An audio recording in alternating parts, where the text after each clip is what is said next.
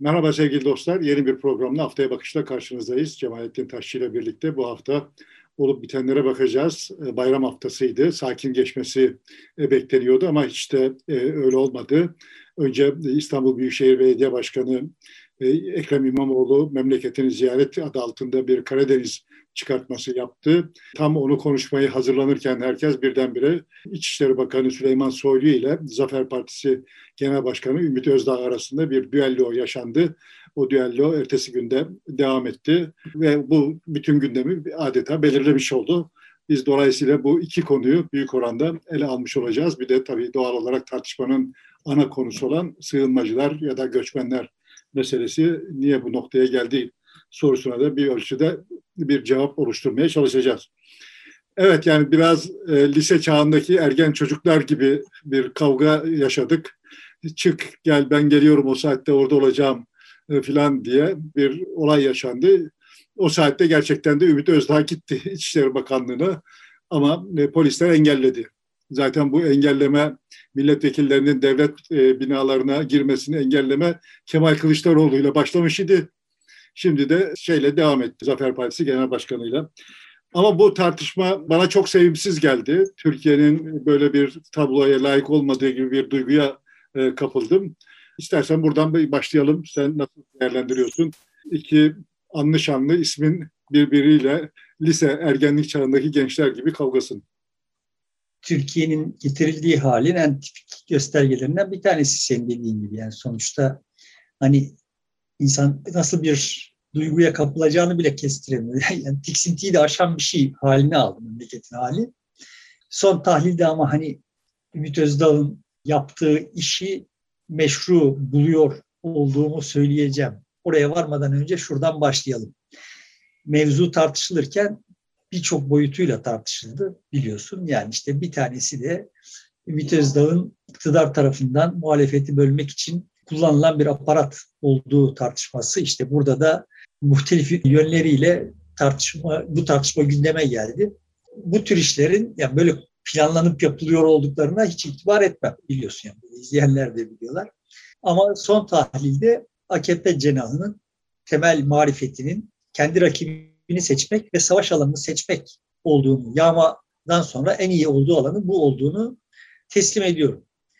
Bu varsayım altında bunu kabul etmiş olarak konuşacak olursam yani Ümit Özdağ'ın böyle planlı programlı iktidar tarafından inşa edilmiş bir oyuncu, bir aktör olduğunu falan falan düşünmüyorum. Ama faydalanılması gereken bir şey olarak görülüyordur. Ve bu anlamda da bir şeyleri kanıtmak için faydalanılacağı zaman faydalanılıyordur diye bakıyorum. Burada da öyle mi oldu? Muhtemelen öyle oldu. Yani işte Süleyman haddini aşarak her zaman olduğu gibi yani hatta anladığım kadarıyla her zamankini de aşk. Çünkü hani izlemeye tahammül edemediğim için Süleyman dediklerini ancak okudum yani. Gerçekten e, ergen çocukların tartışması falan değil. Ergen çocuklar bile birbirlerine bu ifadeleri kullanamazlar. Kullanmazlar. Ama biz bahçeye... Şimdinin ergen çocukları diyelim. Şimdinin ergen çocukları çok daha akıllı. Benim zamanımda bile insanlar bu tür lafları ergenken yani bu tür lafları birbirlerine karşı kullanırlarken bayağı bir dillerini ısırırlardı ya. Yani böyle hayvandan aşağı vesaire filan esfal safi falan gibi böyle abuk laflar edilir mi ya? Yani sokak kavgasında yani ergen çocukların ancak böyle hani çok sokakta büyümüş olanlarının yapacağı işler bunlar. Yani. Evet. Yoksa hani bizim okuduğumuz liselerde falan falan böyle şeyler olmuyordu. Yani bu seviye buraya kadar düşmüyordu demek istiyorum. Evet. Bu çok düştü. Ama ama yani bu yeni bir şey de değil. Yani Erdoğan'dan başlayarak Bahçeli zaten son dönemde iyice e, hani ağzını açtığı zaman Haliç'in eski hali kokuları yayılıyor ortalığa ve işte Süleyman da bu trene binmiş idi. Ama zannediyorum anladığım kadarıyla hani sahiden kendi seviyesizlik rekorlarını bile kırdı bu sefer. Buradan e, yola çıkarak işte Ümit Özdağ'ı meşru buluyorum. Çünkü bir yerde bunlara dur denmesi gerekiyor. Yani seviyesizliği bir, bir türlü frenlemek gerekiyor. Aksi halde görünüyor ki e, freni boşalmış kamyon gibi giderek daha giderek daha çiğleşiyor olay. Bunu buna dur demenin başka yolları var mıdır? Vardır muhtemelen. Ben akıl edemiyorum ama birileri oturup Yani ben de böyle hani o çirkinliğe öfke duyarak reaksiyon gösteriyorum akşamları kendi kendime kaldığım zamanlarda. Ve o öfkeyle işte ben de hani dişlerimi kıracak hale geliyorum falan. Elbette evet ama başkaları buna daha serin, daha belki mizahi, daha aklı başında bir şekilde dur diyebilirlerdi denmedi. Esas sıkıntımız bizim bu yani sonuçta bunlara dur denmediği sürece bu seviyesizlik böyle herkesi şeytanlaştırma, insanlık dışında çıkartma, bütün rakiplerin filan gibi haller vites büyüterek devam edecek. Bir yerde buna dur denmesi gerekiyor ve bu dur denmesi de bir riski almayı gerektiriyor. Yani. O görünüyor. Çünkü risk almadan nerede duracaklarını bilmeyecekler yani. Böyle olur işler. Yani sonuçta öncekilerinden biraz da farkı var. Mesela bu tür şeyler çok oluyordu ama AK Parti içerisinde bunlara bir meşruiyet kazandırılarak büyük bir kesim destekliyordu. Ee, bir şekilde savunuyordu. Ama bu sefer Süleyman Soylu çok yalnız kaldı gibi. AK Parti içerisinden en azından biz e, yayını çekinceye kadar ciddi herhangi bir destek sesi de gelmedi. Eleştiri de şu aşamada gelmedi ama e, kulislerden yayılan bilgiye göre de çok ciddi bir karşı duruş var, itiraz var Süleyman Soylu'nun bu tür çıkışlarına. Yani Süleyman'a çok uzun süredir partinin içinde bir itiraz var. E, yani bunu defalarca konuştuk, herkes konuştu. Yani aslında Süleyman kendisini, kendi pozisyonunu Bahçeli'ye yaslanarak sürdürüyor. Yoksa partinin içinde herhangi bir karşılığı yok vesaireyi biliyoruz yani. E, burada da anladığım kadarıyla işte bir Nebati gitti makamında ziyaret ederek ona zımni destek vermiş oldu. İşte başarılı bakanımız falan falan diyerek. yani en başarısız bakan gitti destek vermiş oldu. Kabine arkadaşına destek vermiş oldu bu tabirle.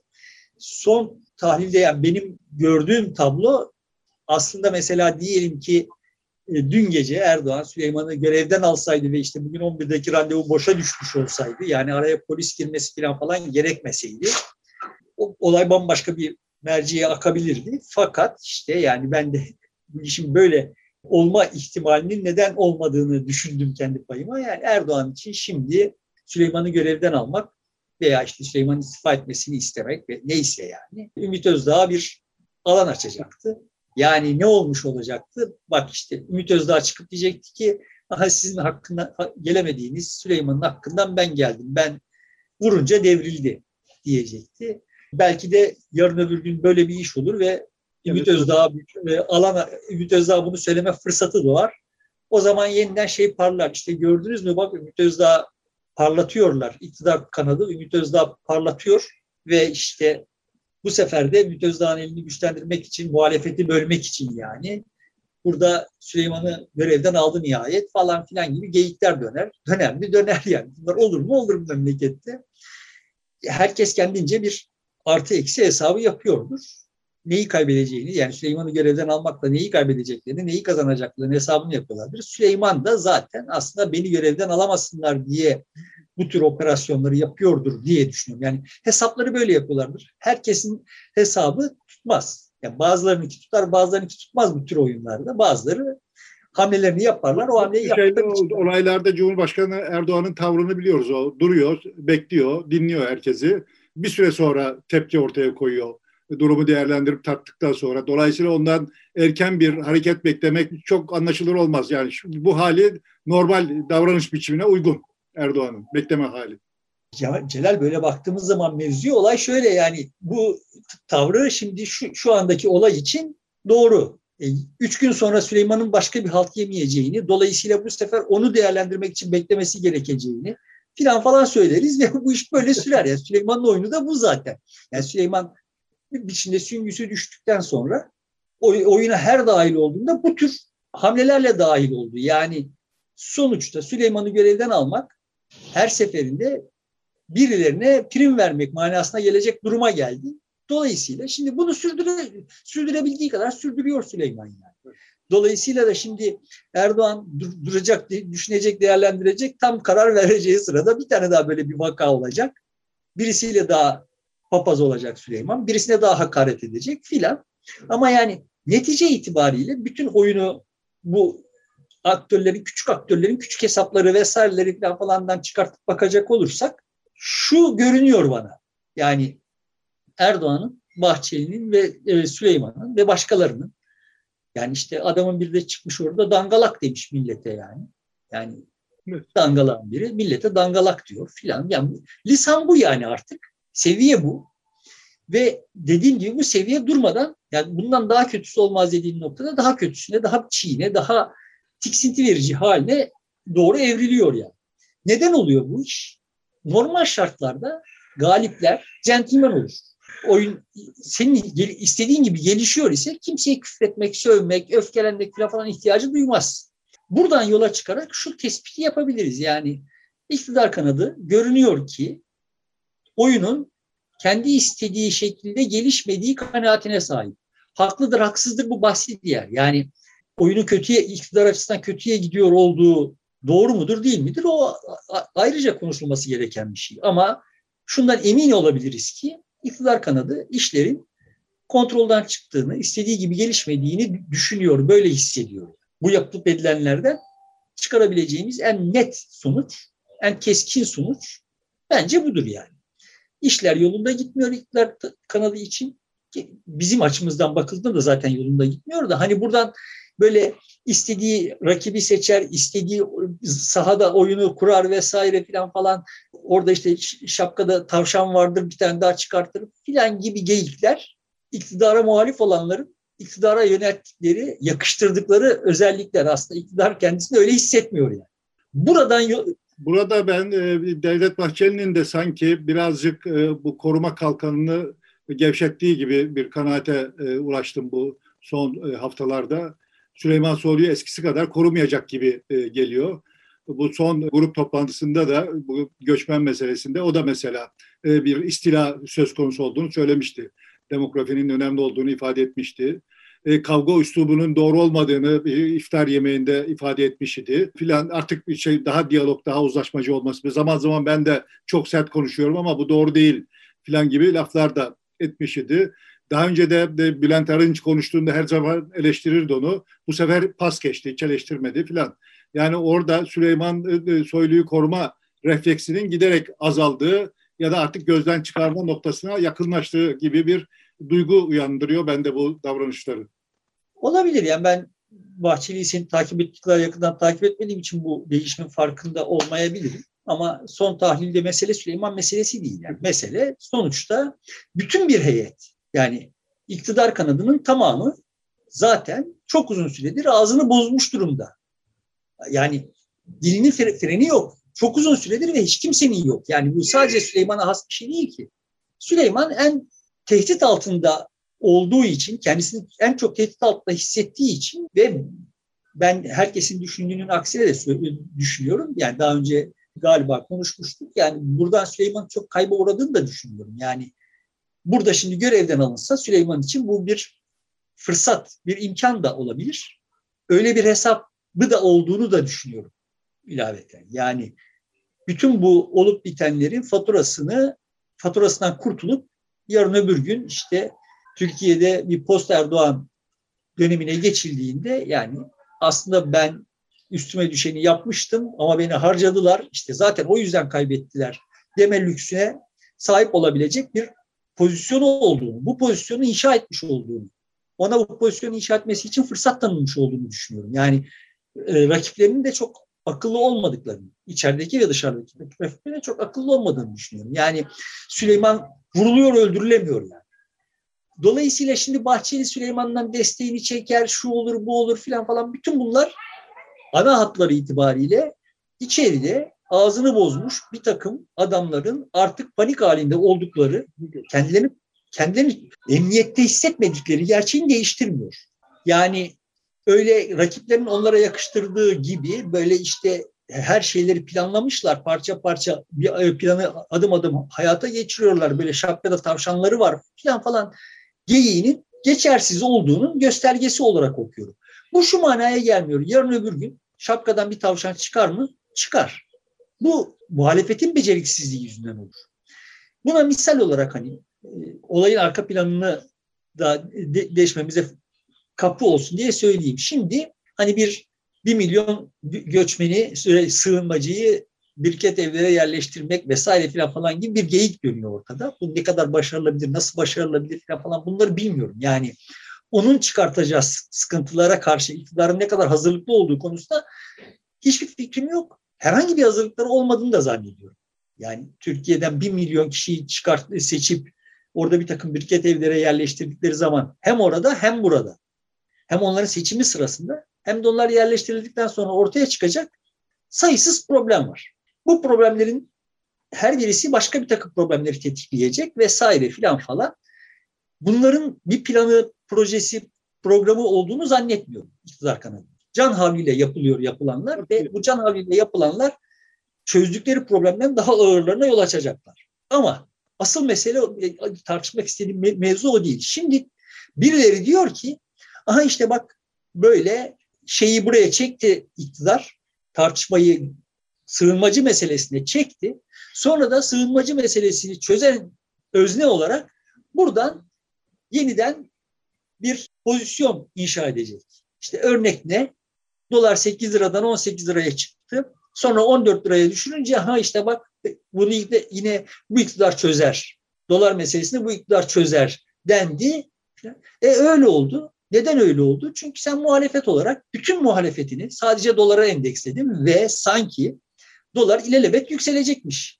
Yani bu kafayla bu dolar ilelebet yükselecekmiş. Bu kafayla bunun önüne geçilmesi mümkün değilmiş. İntiba uyandırdın veya zaten sen kendin böyle inandın. Bu salakça bir imandı. Mesele doların ilelebet yükselmesi değildi. Mesele doların o kadar yükselmiş olmasıydı. Ve bunun yol açtığı tahribattı.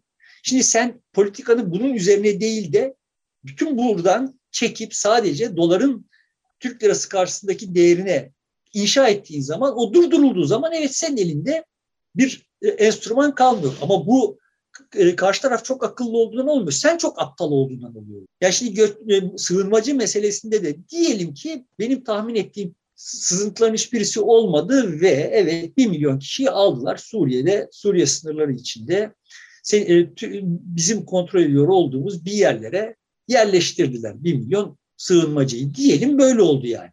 Ve buradan da herhangi bir problem de çıkmadı. Şimdi çıkıp evet bak bu sığınmacı problemini biz çözüyoruz.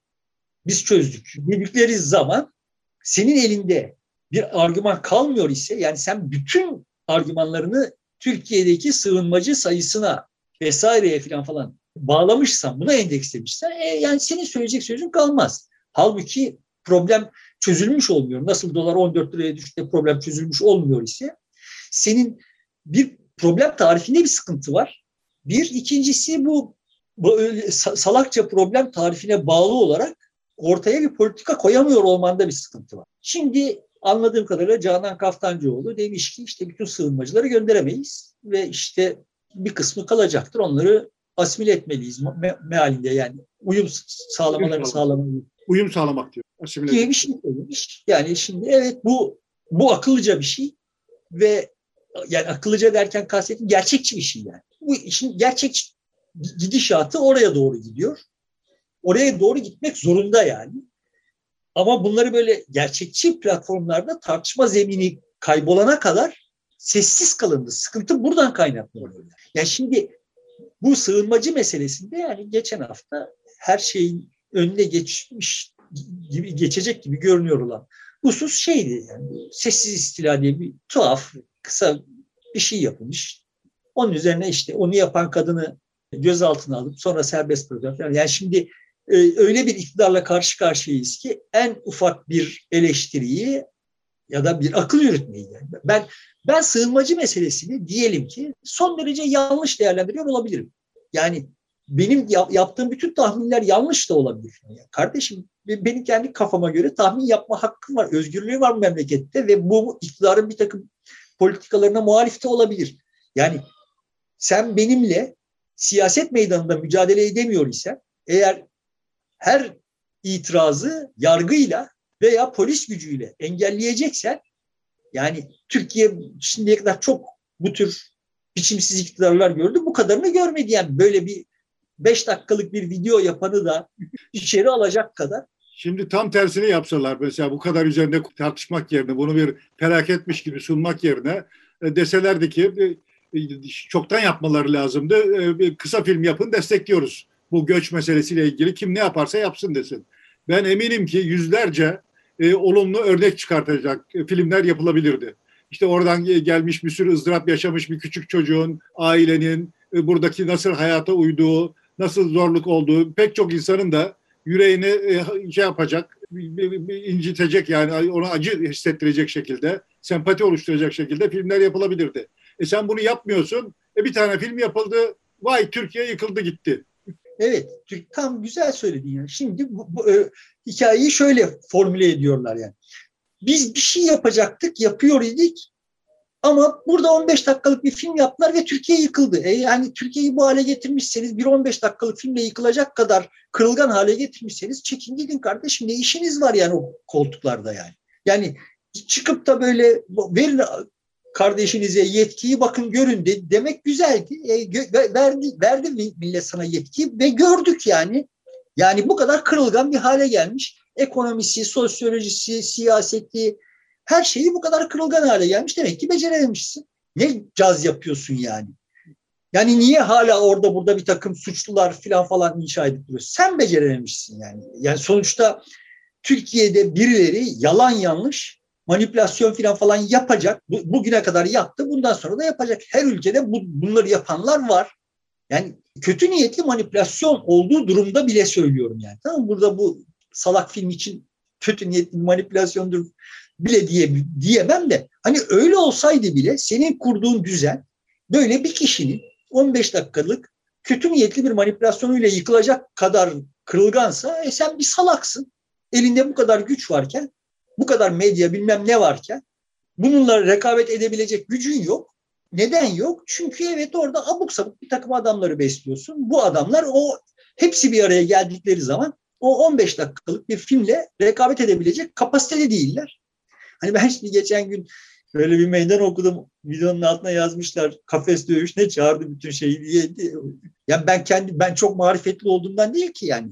Kendi, kendimi çok marifetli görmeden değil ki karşıdakilerin tamamı toplasan yani bütün medyası, bütün milletvekilleri, bütün bürokratlarının toplamı aha işte yani bu kadar ağırlığı var.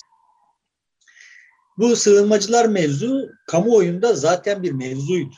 Yani siyaset bunu uzun süre görmezden geldi. Muhalef, iktidarın bunu görmezden gelmesi anlaşılır bir şey. Çünkü onları yaralayan bir şeydi. Muhalefette işte benim hatırladığım kadarıyla Kılıçdaroğlu bir çıktı bir laf etti. Arkasından işte yani sığınmacılara vurulabilecek bir laf etti. Arkasından onu iktidara sektirdi. Orada kaldı iş. Ama bu aslında kamuoyunu çok ırgalayan bir mevzu idi zaten. Bizim zaten sıkıntımız buradan çıkıyor. Yani kamuoyunun kendi gündemini siyasallaştırmak gibi bir derdi olmayan, kafasına göre kamuoyu hakkında tuhaf varsayımları olan ve işte kamuoyunun gündemi şu olmalıdır deyip duran bir, bir siyasi tasavvurumuz var bizim iktidarında muhalefetinde. Siyaset kamuoyunun gündemi yönetilerek yapılır. Yani o onun nereye doğru akmasını istiyor isen yani sen nehri doğuramazsın yani. Akan nehri istediğin kanala akıtırsın. Yapılması gereken şey budur. Siyaset budur yani. Dolayısıyla e, muhalefetin ta başından olayı şöyle yapması gerekiyor idi benim kanaatime göre. Eğer sığınmacılara karşı bir ırkçı yükselmeden falan falan da korkuyorlarsa ki korkmaları gerekiyor idi. Daha en başından bu problemi görmüş, teşhis etmiş, serin kanlı işte bunu analiz etmiş. Buradan iktidarı yıpratacak. Çünkü iktidarın burada yıpratılacağı çok şey var. Yani en başta geri kabul anlaşması var. Yani bu geri kabul anlaşması tırnak içinde bir ihanet anlaşması aslında. Dolayısıyla şimdi bunun üzerine vurarak sığınmacıları da mazlum göstererek bir politika izlenebilirdi ve senin demin dediğin türden böyle birçok videolar yapılıp sığınmacıların da aslında nelere maruz kaldığı filan anlatılarak hikayenin yönetimini ele almaya kalkabilirlerdi ve bu çok ciddi. Toplumu işte muhafazakarlar, liberaller, efendim işte sosyalistler, carçurt de değil de sığınmacılardan ma- mağdur olanlar, sığınmacılar hakkında şu kaygıları taşıyanlar, bu kaygıları taşıyanlar diye ta- tasnif edecek olursam başka bir tasnif çıkıyor değil mi? Başka bir yani senin tasnifin de takılıp kaldığın zaman bir kimlik siyaseti yapmış oluyorsun. Şimdi zaten karşıda kimlik siyaseti yapıyor. Sen de bu kimlik siyasetine tıkanıp kalıyorsun. Halbuki olayı oradan çıkartman gerekiyor muhalefet olarak. Kimlik siyasetinden çıkartman gerekiyor. Bir kimlik sayımı olmaktan çıkartman gerekiyor. Şimdi Ümit Özdağ'ın galiba yaptığı da bu. Oradan çıkardı işi.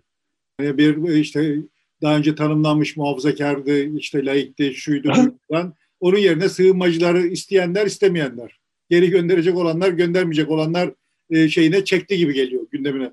E, tabii bu o, o, yine bir başka açıdan kimlik siyasetine oturttu milliyetçiler ve işte evet. milliyetçiler, ulusalcılar vesaire bir tarafta. işte daha nasıl tabir edeceğiz? Diğerleri öteki tarafta olmak üzere bölüyor yani. Ama bu aslında o kadar kolay bölünebilir bir şey değil ve muhalefetin de işine zaten bunun öyle bölünmemesi geliyor. Yani sonuçta biz bu vatandaşı bak sığınmacılarla bir arada yaşamak, onlara tahammül etmek vesaire konusunda iltifat ederek o vatandaşa sığınmacıların durumlarından da bir insani dram çıkartarak bütün bunların faturasını yani bu vatandaşın tahammülünü aşırı zorlayan ve bu sığınmacılara da bunları e, yakıştıran iktidarı zor duruma düşürecek bir hikaye çıkarabilirdik. Çıkarılması gerekiyor. Buradan bir gelecek projesi, programı vesairesi falan falan ve iktidarın ne kadar bu konularda boş olduğu da ortaya çıkmış olurdu. Yani Süleyman'ın o Mahut sövgülerin arasında söylediği laf mesela nereye gittiğini anlamadığım bir laf yani. Eğer sığınmacılar dönecek olursa sanayiciler sömürecek, Suriyeli bulamayacak türü bir takım laflar ediyor filan. Yani, yani bunlar ayıbın itirafı aslında. Ama şimdi bunları deşecek. Ya bak burada bu insanlar da kardeşim bak nelere maruz kalıyorları gösterecek. Hem insani hem de insanların milliyetçilerin, ulusalcıların bile gönlünü ısıtacak bir politika üretilebilirdi ve bambaşka bir Türkiye haritası, sosyolojisi haritası çıkardı buradan yani. Ama bu yapılmadı. Bunun yapılmamış olması benim açımdan çok beklenmedik bir şey değil. Çünkü muhalefetin, muhalefet etmek, siyaset kavrayışı zaten bu yani. Yani siz sıradan insanlar neyin problem olduğunu nereden bilirsiniz? Edası var yani. yani sen sığınmacıları problem ediyorsun. Halbuki onu etmemen lazım. Neyi etmen lazım? Başörtüsünü etmen lazım. E hani o geçti şimdi. Şeriatta gidiyor. Onu etmen lazım. Filan ya da ekonomi. Sen olsa olsa karnının doymamasını problem edersin. Ya şimdi eda bu yani. Halbuki bu problem orada duruyor idi ve büyüyüp duruyor idi. Şimdi Ama gündeme geldi ve muhtemelen bu belki de hem muhalefetin tabanından hem iktidarın tabanından belli kişilerin farklı yerlerde toplanmasına yol açabilir. Duygu olarak en azından parti değiştirir değiştirmez ayrı bir şey. Ama CHP mesela seçmeninde de sığınmacılar gitsin diyen var. MHP'de de var. E, AK Parti içerisinde de var. Ama kalsın diyenler de var aynı partiler içerisinde. İşte tam onu demeye çalışıyorum. Sonuçta şey kamuoyunu senin nasıl böldüğüne bağlı olarak kamuoyu farklı farklı şekillerde bölünebilir yani. Aynı insan şurada muhafazakar, burada sığınmacı karşıtıyken işte e, bir başka insan şurada liberal, burada muhafazakar e, şey sığınmacı karşıtı olabilir ya da bunun tersi olabilir. Yani sonuçta senin nereden saydığına bağlı olarak bir sayım çıkıyor ortaya. Bunu iktidarın istediği yerden saymasını kabul ediyorsun. Hep onun meydanında dövüşüyorsun. Ve bunun için çok elverişli bir şey olarak sığınmacılar problemi ortaya çıktığında ya bak kardeşim sığınmacılık şudur filan falan diyerek bunun akacağı kanalı belirleyebilirdim ve bu sana bambaşka bir Türkiye haritası çıkarırdı. Bambaşka imkanlar çıkarırdı. Yani bu yapılmadı. Şimdi yine yapılmıyor. Yani yine hala benim gördüğüm kadarıyla işte vay sığınmacı karşıtlar, ırkçı faşistler diye bir geyik döndürülür. Ama kamuoyunda bunun derinliği de, ne kadar derin olduğu anlaşıldıkça. Çünkü anlamıyorlar yani. Çünkü kamuoyuyla temasları yok. Sorun burada yani. Yani Kılıçdaroğlu hatırla şimdi Kılıçdaroğlu o çıkışı yaptığında İmamoğlu'su Tunç Soyer'i falan falan İmamoğlu'nu e, offside'e düşürecek açıklamalar yapmışlar. Şimdi sesleri çıkıyor mu? Çıkmıyor. Çünkü yani evet orada ciddi bir infial var kardeşim. Bu infial gereksiz de değil. Mesele zaten sığınmacılardan ibaret de değil. Yani şimdi sığınmacıları bir biçimde hani meşrulaştırıyorsunuz bize tamam da orada İran sınırı yol geçen anı. Yani Türkiye'de şimdi benim gözlediğim kadarıyla ben bu anlamda kendi gözlemlerimin çok yeterli olduğunu iddia edebilecek durumda da değilim ama benim gözlediğim kadarıyla asıl Suriyelilerden daha çok sancıya yol açıyor olan Afgan ve Paki kaçak göçmenler. Neden? Yani onlar Afgan ve Paki olduklarından değil. Onların göç durumu yani tamamı erkek neredeyse ve genç. Yani genç bir erkek nasıl bir tehdit? Göçmen, Göçmen Derneği Başkanı'yla bir temasım olmuş. Onunla görüşmüştüm. O bunu şöyle izah etti. Afganistan'da aile, e, geniş aile bir araya geliyormuş. Belli bir para biriktiriyor. E, gençlerin, hangi gençlerin gurbete gideceği, gurbet diyorlarmış onlar. Belirliyorlar ve onları gönderiyorlar o parayı verip. O da orada kazandığı paranın yarısını e, ülkesine gönderiyormuş. Dolayısıyla hep erkek ve genç nüfus geliyor. E, Suriye'den ise ailelerle geliyor. E, genç, tekil gelen çok az. Dolayısıyla yani şimdi genç erkek nüfus üstelik de bunlar burada anladığım kadarıyla çok kendilerini emniyette hissetmedikleri için birbirlerine yaslanmak zorundalar. Dolayısıyla kafile halinde dolaşıyorlar ve bunun ne kadar büyük bir tehdit olduğu, sosyolojik bir tehdit olduğu aşikar. Yani e, askerlik yapanlar genç erkekleri bir araya genç erkekler bir araya geldiklerini olayı ne kadar hani o disiplin şartları altında bile ne kadar tehdit taşıyor olduğunu bilir yani sonuçta yani kimse suçlu olduğundan kaynaklanmıyor yani bu oyunun kuralı bu. Şimdi bunun yarattığı bir infial Suriyelilere de zaten Suriyelilerden kaynaklanan başka türlü takım sıkıntılara da eklemlendi. Yani bu yönetilmediği için yani demin demeye çalıştım. Muhalefet bunu yönetemediği için şimdi e, itizat sizinle karıştı. Her şey her şey karıştı yani. Evet tam işte öyle bir noktadan geçiyoruz. Evet tam da öyle bir noktadan geçiyoruz. Neyinde olduğunun karıştığı ve başka bir şeye doğru de e, evrilmeye başladığı bir süreçten geçiyoruz. Muhtemelen siyasetin gündemi de önümüzdeki gerginlikler, gerilimler, e, dinamikler başka şekilde çalışacak gibi gözüküyor. Onun potansiyelini taşıyor bu. Şimdi burada da işte yine bu yönetilemiyor. Dolayısıyla yarın bir milyon Suriyeli'yi geri gönderdiği zaman iktidar tamam işte ya bunu yine biz çözeriz bu problemi. E, afra tafrasıyla kamuoyunun karşısına çıkmaya cesaret edebilir. Bu cesareti muhalefetin herhangi bir problemi doğru teşhis edip bunun üzerinden doğru politikalar üretemiyor. Doğru muhalefet üretemiyor olmasından kaynaklanıyor. Derdim bu. Hani muhalefeti suçluyorsunuz durmadan e, bizim bizi izleyenler demiyordu hani genel olarak bu tür şeyler söylendiğinde söyleyenlere durmadan muhalefet suçluyorsun. E, yani muhalefet suçluyoruz çünkü bu kadar beceriksiz, bu kadar başarısız işlerin altına imza atmış bir iktidarı suçüstü yakalamışken ve toplum onlara oy verenler de dahil olmak üzere bu konuda bir hassasiyet kesbetmişken o toplumun buna değil de başka bir şeye hassasiyet göstermesi gerektiği ısrarını sürdürüp duruyorsunuz. Yani Size ne? Toplum bu işte. Yani o, oynayacağınız toplum bu ve burada haklı, meşru, meşru bir zemine aktarılabilir bir itiraz var. Doğru yönetilebilir ve meşru bir zemine aktarılabilir. Son tahlilde ben de inanıyorum ki kendi hesabıma Türkiye bu badireyi nasıl atlatır bilemiyorum ama atlattığı zaman Türkiye yani öyle Ümit Özdağ'ın kurduğu hayaller gibi şeyler gerçekleşmez yani. Bir, hepsi birden gönderilemez vesaire. Burada birileri kalacak. Onlar uyum sağlayacak ne kadar sağlayabilirlerse onların bir takım sonuçları olacak. Bu onaylamak, onaylamamak merci değiliz. Yani tarihin akışı itibariyle bu yıl sonuçları olacak. İstersen Bunlara buradan da şeye geçelim. Söyleyeceğim birkaç şey varsa onu da alayım. Ondan sonra da İmamoğlu'nun ziyaretini, Karadeniz ziyaretini.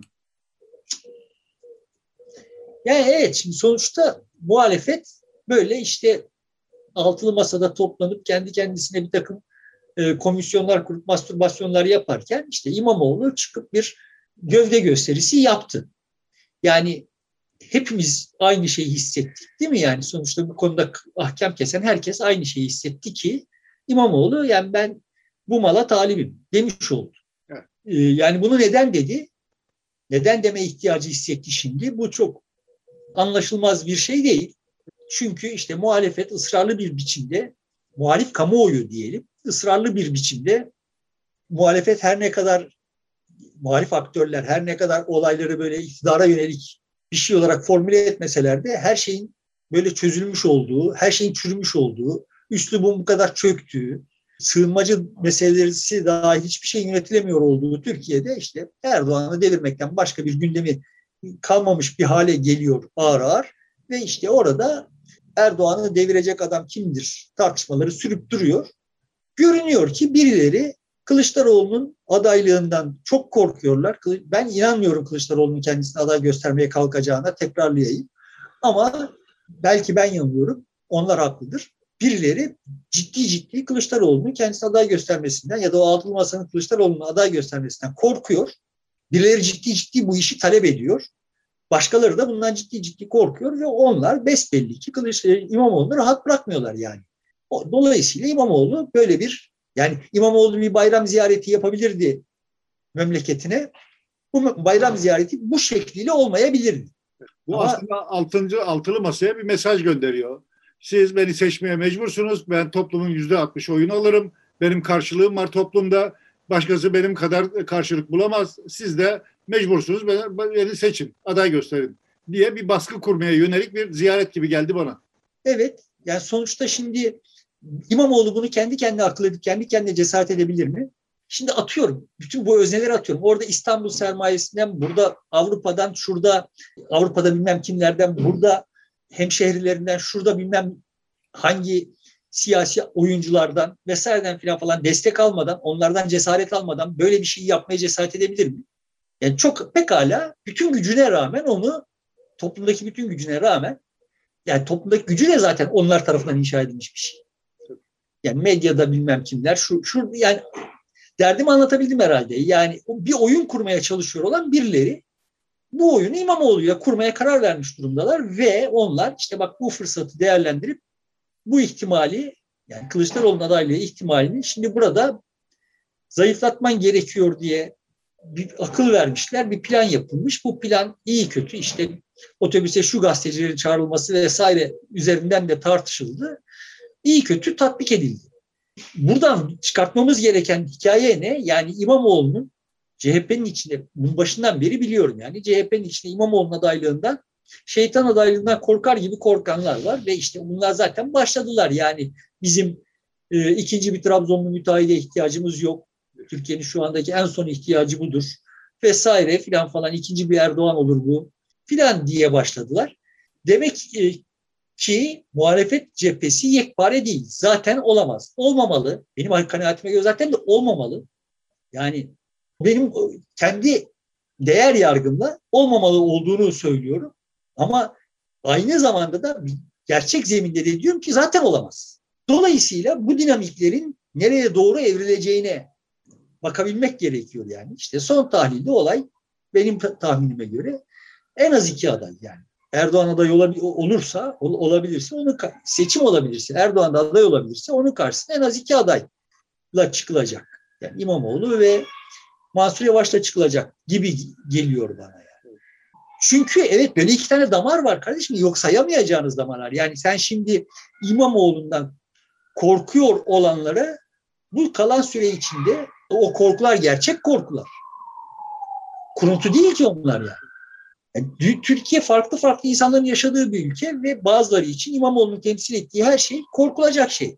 Benim açımdan ben hani e, siyaseten bakıldığı zaman İmamoğlu'nun oyunu zaten yanlış oynayıp, oynuyor olduğunu düşünüp duruyorum.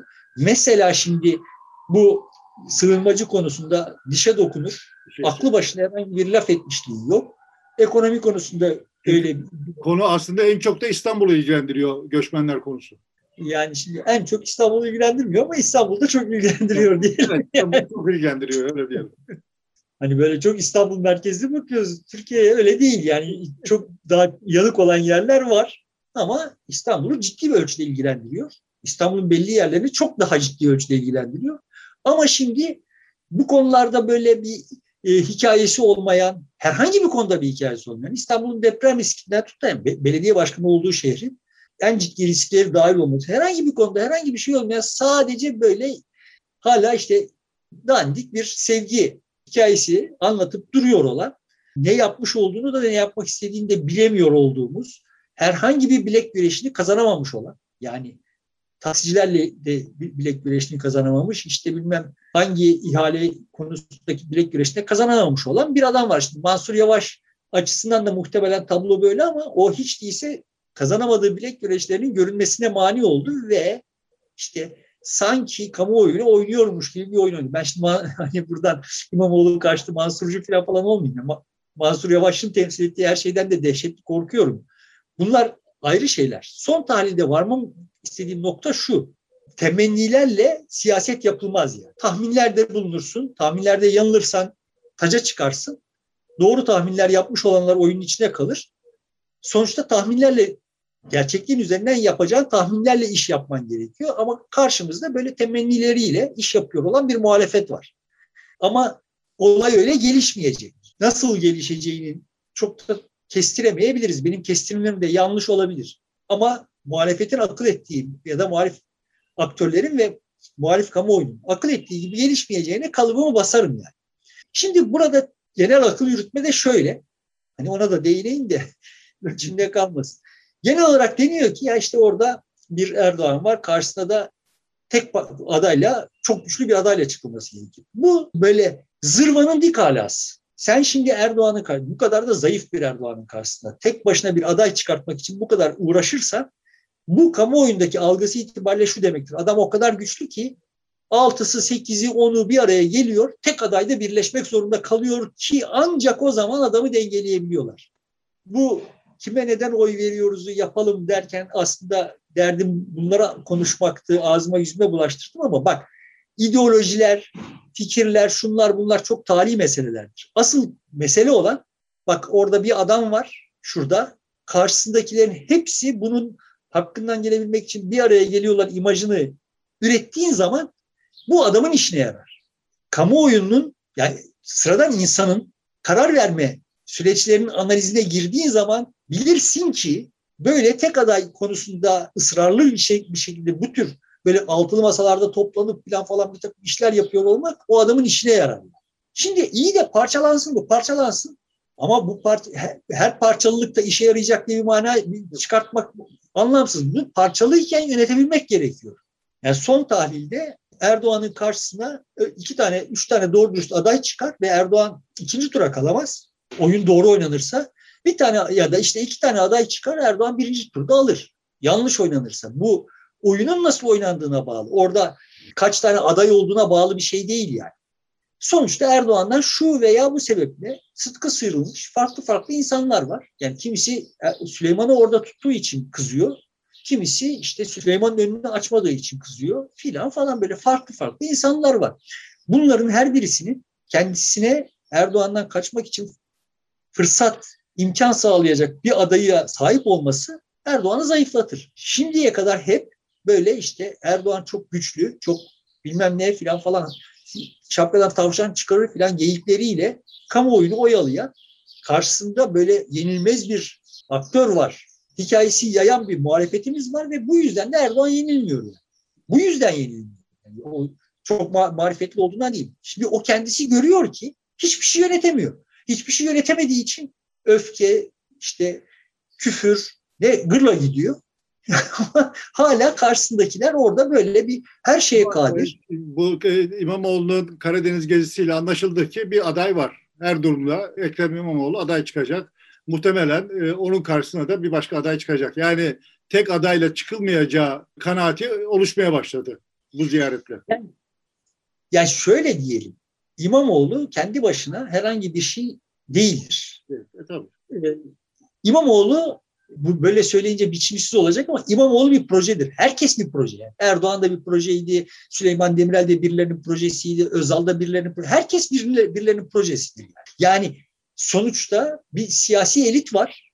Yani Ankara'da işte Balgat'ta şu nargile kafede sohbet ederken ha bak işte ben bunu MHP Genel Merkezi'ne taşırım diyen birileri var. Tanıyorsun yani. İşte onlar o sohbetten çıkıyorlar. MHP Genel Merkezi'ne gidiyor, gidiyorlar sahiden ve Evet onu dinleyen bir genel başkan yardımcısı var ve o evet bunun tek başına bir adam olmadığını, orada bir 30-40 kişilik bir manipülasyon kabiliyeti olan ekibi temsil ettiğini biliyor. Ya da işte başkaları Gazi Osman Paşa'daki filanca balık lokantasında aynı geyiği döndürüp CHP genel merkezine gidiyor. Değil mi yani şimdi olay böyle Ankara'da işi bu olan 8-10 bin kişi var ya işi bu o insanların yani. Ve evet bunların bir organizasyon kabiliyeti var. Şimdi bunların bir bölümünün projesi İmamoğlu. Yani İmamoğlu iktidara gelecek, ben ihale alacağım. İmamoğlu iktidara gelecek, ben bilmem nerenin genel müdürü olacağım filan falan diye hesap yapanlar veya işte bizimkiler, bizim çocuklar şurada şu imkanları bulacaklar filan diyen böyle böyle insanlar var. Bunların oyununu su yüzüne çıkmış kısmını görürüz biz. Görünüyor ki bunları bir mutabakat çerçevesinde bir araya getirmenin imkanı yok. Görünüyor ki. Ne İmamoğlu kendisini istemeyenleri ikna edebilecek bir marifet sergi ne de bunu umursadı. Umursamadı da yani CHP'nin içinde veya başka yerlerde. İmamoğlu'nun muhtemel bir adaylığından ta 31 Mart'ta 31 Mart gecesinden itibaren korkmaya başlayanlar var ve bunlar bir şeyler yapacaklar. Yani onları ikna edemedi İmamoğlu. İmamoğlu'nu proje olarak ortaya koyanları da karşı, karşıtları ikna edemedi. Dolayısıyla görünüyor ki bu maç kararlı bir biçimde devam ediyor. Benim gördüğüm hikaye bu yani. Siyaset böyle bir şeydi. Böyle olur. Şimdi Balgat'ta o işleri çevirenler vesaireler filan falan kamuoyundan haberdarlar zaten. Yani hem kamuoyunu etkileyebilecek güçleri var hem kamuoyundan etkileniyorlar yani. Oyun, siyaset böyle bir şey. Dolayısıyla şimdi senin dediğin gibi görünüyor ki İmamoğlu aday. İmamoğlu'nun adaylığını nasıl yönetebilecekler? Bunu göreceğiz diğerlerini. Bu oyun daha çok su kaldırır. Dolayısıyla buradan adaylık şimdi belli olmaz falan ama son tahlilde yani aslında iyi ki bu düello hikayesi ortaya çıktı da bu İmamoğlu'nun bence çok da kendisinin lehine olmayan, muhalefetin de lehine olmayan gösterisi gündemden usulca çekildi yani. Peki burada bitirelim istersen. Haftaya devam edeceğiz. Peki sevgili dostlar e, burada bitiriyoruz. E, biraz da teknik imkanların e, zor olduğu bir mekandayız. Oradan çekiyoruz. O yüzden biraz hızlı bitirdik. Görüşmek üzere. Hoşçakalın.